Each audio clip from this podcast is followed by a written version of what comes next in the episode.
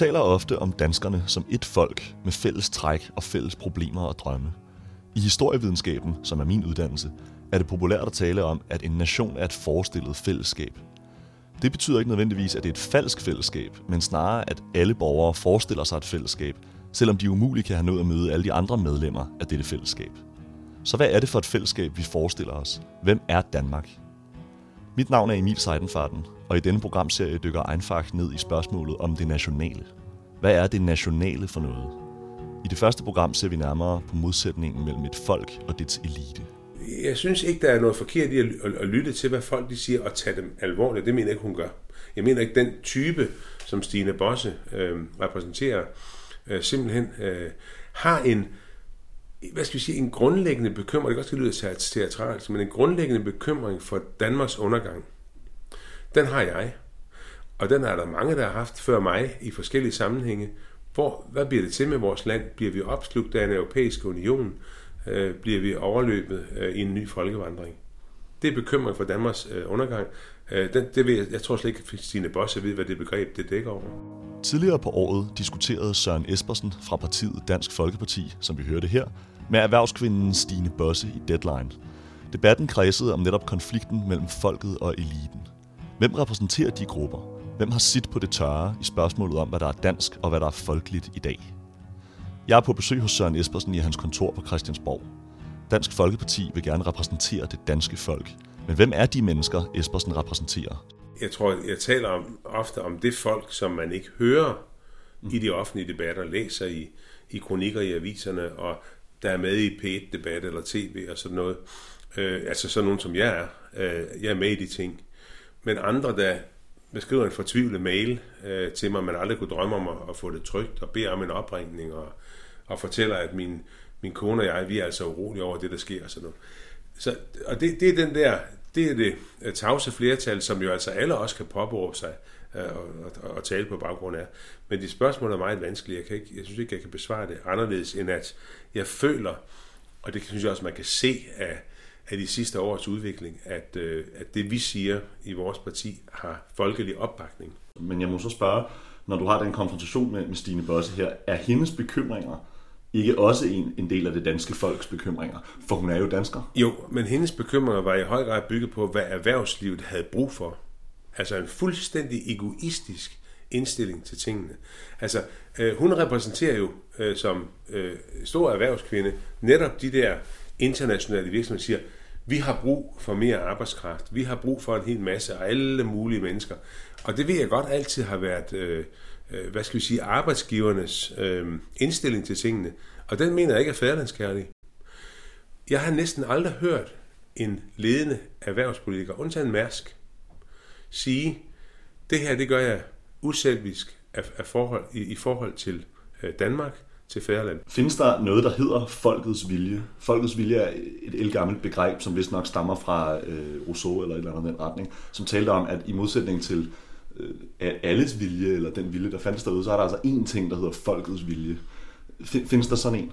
Det, det er et vulgært udtryk, og jo altså også ofte brugt i, i, i sammenhænge som øh, med, med, med, med diktatorer, øh, der øh, kunne stå op og sige, at vi øh, udfører bare folkets vilje. Altså det, øh, brugte øh, sovjetiske kommunistparti også som eksempel på, at det var fint nok, det de lavede. Øh, og og det, det kan man selvfølgelig ikke bruge. Man kan ikke finde, sige noget, der, der, der hedder folkets vilje. Men det, er jeg synes, man kan forlange, blandt andet af folk som Stine Bosse, det er, når de tager det alvorligt, når der er folk, der er bekymrede. Og det synes jeg ikke, de gør. Det er et eller andet med, værfte, værfte væk, du er racist, du er fremmedhader, du er en lille småborgerlig øh, fis, du er ikke uddannet, du har ikke læst nok. Øh, Pia i starten blev kaldt den lille hjelmehjælper og, og sådan noget. Ikke? Hvorfor er du ikke en del af eliten? Det er, det er jeg nok også. Altså, øh, jeg er uddannet journalist og, og, og, og og, og, og kunne altid få mine ting igennem og få, få mine ting frem og arbejde med, med, med det, jeg var interesseret i det. Øh, så på en eller anden måde er jeg jo en, en, en del af eliten, og øh, også den politiske elite jo nu. Øh, og, og jeg må da indrømme, at øh, hvis man opholder sig alt for meget herinde, så, så kan det være svært at forholde sig til virkelighedens verden. Men man ser den jo så er til, når man kommer ud.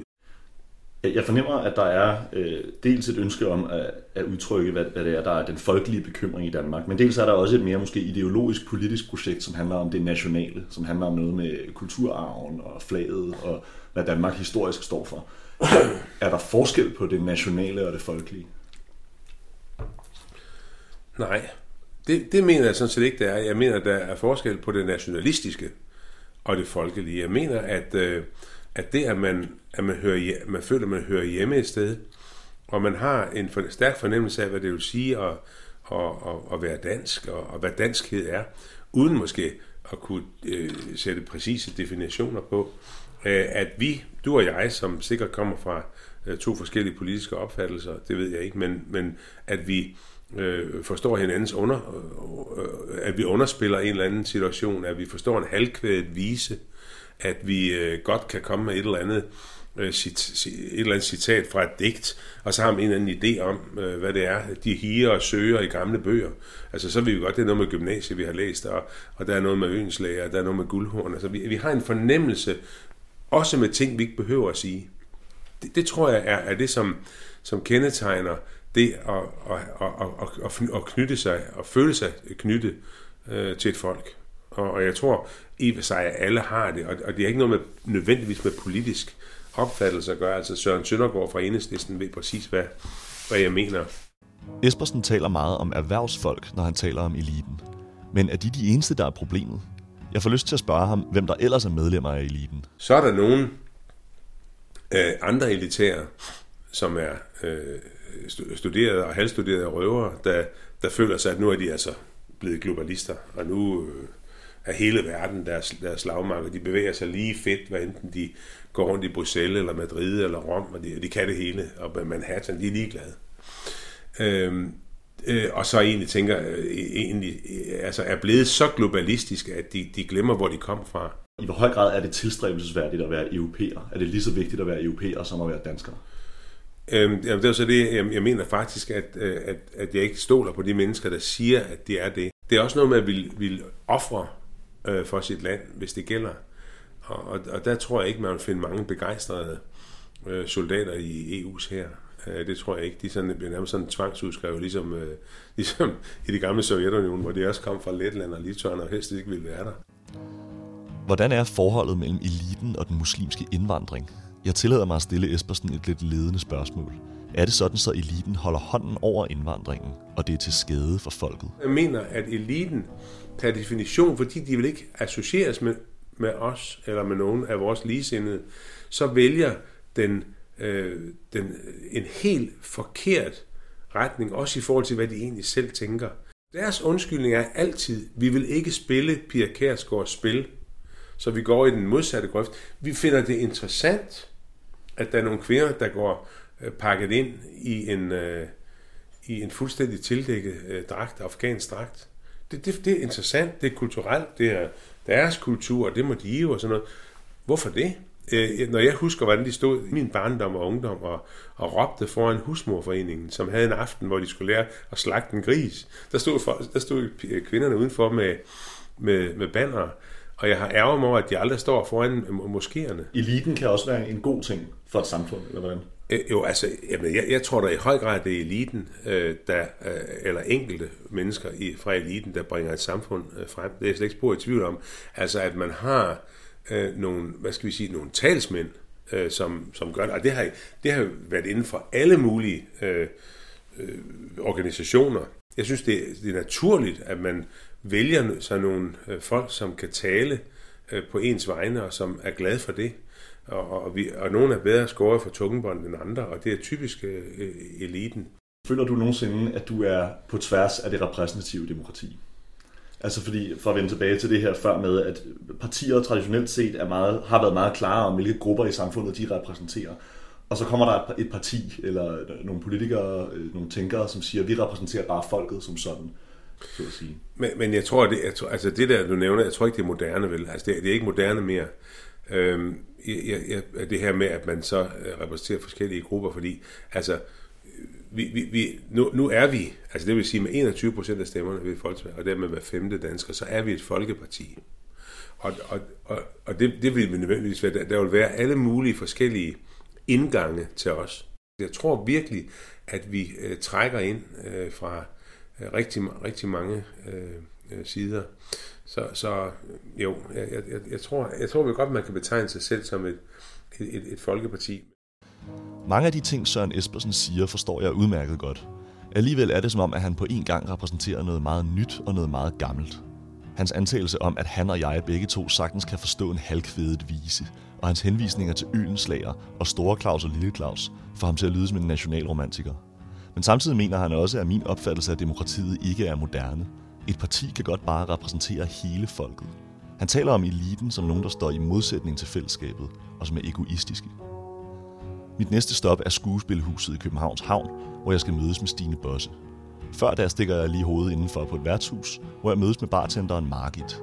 Hvad betyder de her kategorier, folket og eliten, for hende? Eliten, det er de bedre stillede. Det er folk med høje indkomster. Og det er typisk ikke dem, der besøger os. Har de nogle bestemte holdninger? Eller hvordan ja, det har de. Det, der er lidt mere sundhed indover. Der er flere, flere af den slags ting.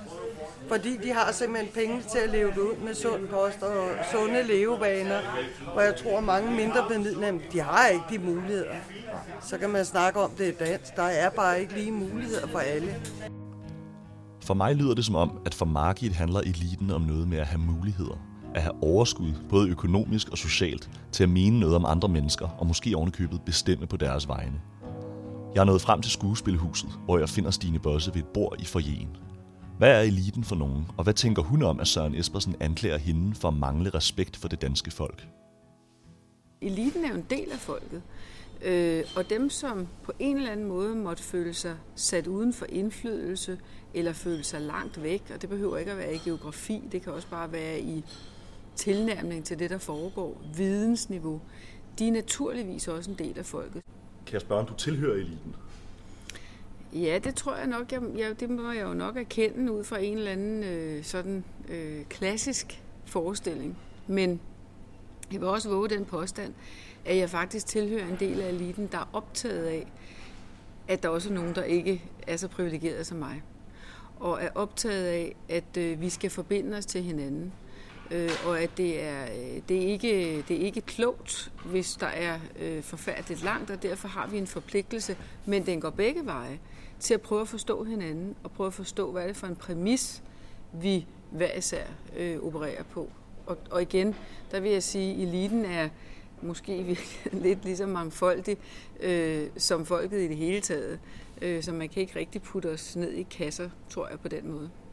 Hvad tror du, han mener, når han anklager dig for at blæse på, hvad der bekymrer det danske folk? Jeg tror, han øh, spiller på den overflade, som han oftest spiller på.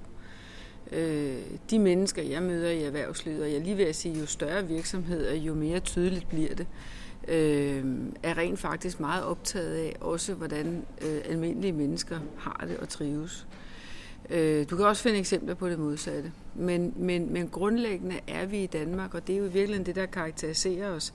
Vi er ikke så frygtelig langt fra hinanden, top og bund. Og når du går igennem en, en virksomhed i Danmark, og du er direktør eller du er bestyrelsesformand, øh, så hilser du på folk. Sådan er det altså ikke nødvendigvis uden for Danmark. Så vi er på en eller anden måde tættere forbundne og tættere på hinanden. Og jeg vil våge den påstand, at de mennesker, jeg taler med i erhvervslivet, er mindst lige så optaget af velfærd, velstand, tryghed og trivsel i Danmark, øh, som en Søren Espersen er det. Jeg er optaget af, at folk kommer til at føle sig som en integreret del af det hele. Og det betyder ikke, om man, om man øh, får en overførselsindkomst eller ikke en overførselsindkomst. Nej, for mig handler det om, at man er med, at man har et virke, at man har et gøremål. Og det kan godt være, at det ikke er 40 timer om ugen fuld tid, men at det er noget mindre. Det er jeg meget optaget af, og det er af den simple grund, at alt andet truer på en eller anden måde stabilitet, sikkerhed, trivsel for os alle sammen. Også for de mennesker, der faktisk har noget. Jeg tænker på, om Bosse som et medlem af denne elite måske tænker, at adel forpligter. Altså om eliten har et særligt ansvar for at vejlede befolkningen. Hvis man på en eller anden måde, på den, øh, grundet det ene eller det andet, har fået et udsigtspunkt, som gør, at man får indsigt i nogle ting, som ikke nødvendigvis alle mennesker får indsigt i, så synes jeg, man har en forpligtelse. Ikke til bedrevidende at sige, øh, nu skal I høre her, jeg er vældig klog osv. osv. Men til at bringe den viden og indsigt, man har, med ind i dialogen. For naturligvis handler det i sidste ende om at lytte til hinanden. Men, øh, men jeg synes, man har en større forpligtelse, når man har indflydelse, end man nødvendigvis har i forhold til, hvem er det, der rækker hånden ud først. Øh, og det synes jeg, man har. Øh, det, det kommer på en eller anden måde med indflydelsen. Mener du, at eliten kan være farlig nogensinde? Kan, den være, kan, den have en, kan der være noget farligt ved eliten? Hvis eliten bliver en, en lille gruppe af mennesker, som ved det hele, kan det hele, aftaler det hele, uden forbindelse til noget som helst demokrati, øh, uden forbindelse til noget som helst, der vedrører folk, altså almindelige mennesker, øh, og uden forståelse for, øh, for øh, andre menneskers øh, livssituation osv., så er selvfølgelig ja, det har vi jo set i historien. Og så tror jeg altid, at man skal være på udkig efter der, hvor man bliver forledt, altså hvor man ikke bliver ledt, men forledt. Øh, og, og der har selvfølgelig øh, eliten en særlig forpligtelse, og, og det er derfor, jeg altid taler om oplysning, det er derfor, jeg altid taler om dialog og respekt. Det er fordi, at hvis vi forleder hinanden, øh, så er der virkelig et problem. Man, man, man taler om, at der er noget, der er det nationale, og så er mm. der noget, der er det folkelige. Mm. Øh, er det det samme, eller er der forskel på det folkelige og det nationale? Jeg tror, der er fællesmængder, men jeg tror også noget, der er, noget, der er forskelligt. Og det interessante, der sker lige i den her tid, vi lever i og har været under udvikling længe, det er jo, at vi forbinder os i virkeligheden også meget mere i dag på tværs af de klassiske nationale grænser. Altså folk, der lever i byer, ligner hinanden. Folk, der lever uden for byer, ligner hinanden i værdisæt, i problemstillinger osv. Og, og jeg tror, det er noget, vi skal forestille os at kommet for at blive. Spørgsmålet om den relative lighed ligger faktisk verden på sinde. Fordi vi godt ved, at lighed er vejen til fred og fordragelighed, og ulighed er vejen til ufred. Hvis der ikke er noget, der ikke er dansk, hvad er så overhovedet dansk? Hvordan definerer du det danske eller det folkelige? Jamen, jeg tror, jeg vil sige det på den måde, at øh, jeg kan godt komme i tanke om, at for eksempel det at spise en sillemad, øh, det er meget dansk. Øh, det er faktisk også svensk, og det er egentlig også norsk. Men det siger vi ikke så højt, fordi det har vi ligesom udviklet sammen over tid. Men jeg ser jo, at, at en sillemad bliver faktisk mere interessant og, og bliver sådan en del af noget større, hvis den ses sammen med et stykke pizza, for eksempel. Øh, eller den, den ses sammen med, med et eller andet øh, ungarsk gulasch eller sådan noget i den stil. Og jeg tror også, at vi skal se for os, at det at være dansk naturligvis inkluderer, at du for eksempel har forskellige religioner, at du har forskellige hudfarver, at du har forskellige etniske oprindelse. Jeg har en engelsk mor, er jeg så lidt mindre dansk end Espersen? Det kunne jeg godt tænke mig at spørge mig om en dag. Jeg synes, jeg har bare været en anden slags dansk, øh, og, og jeg kan godt lide diversitet. Der var en, der sådan, jeg tror, det blev brugt lidt som et skældsord, kaldte mig multikulturalist.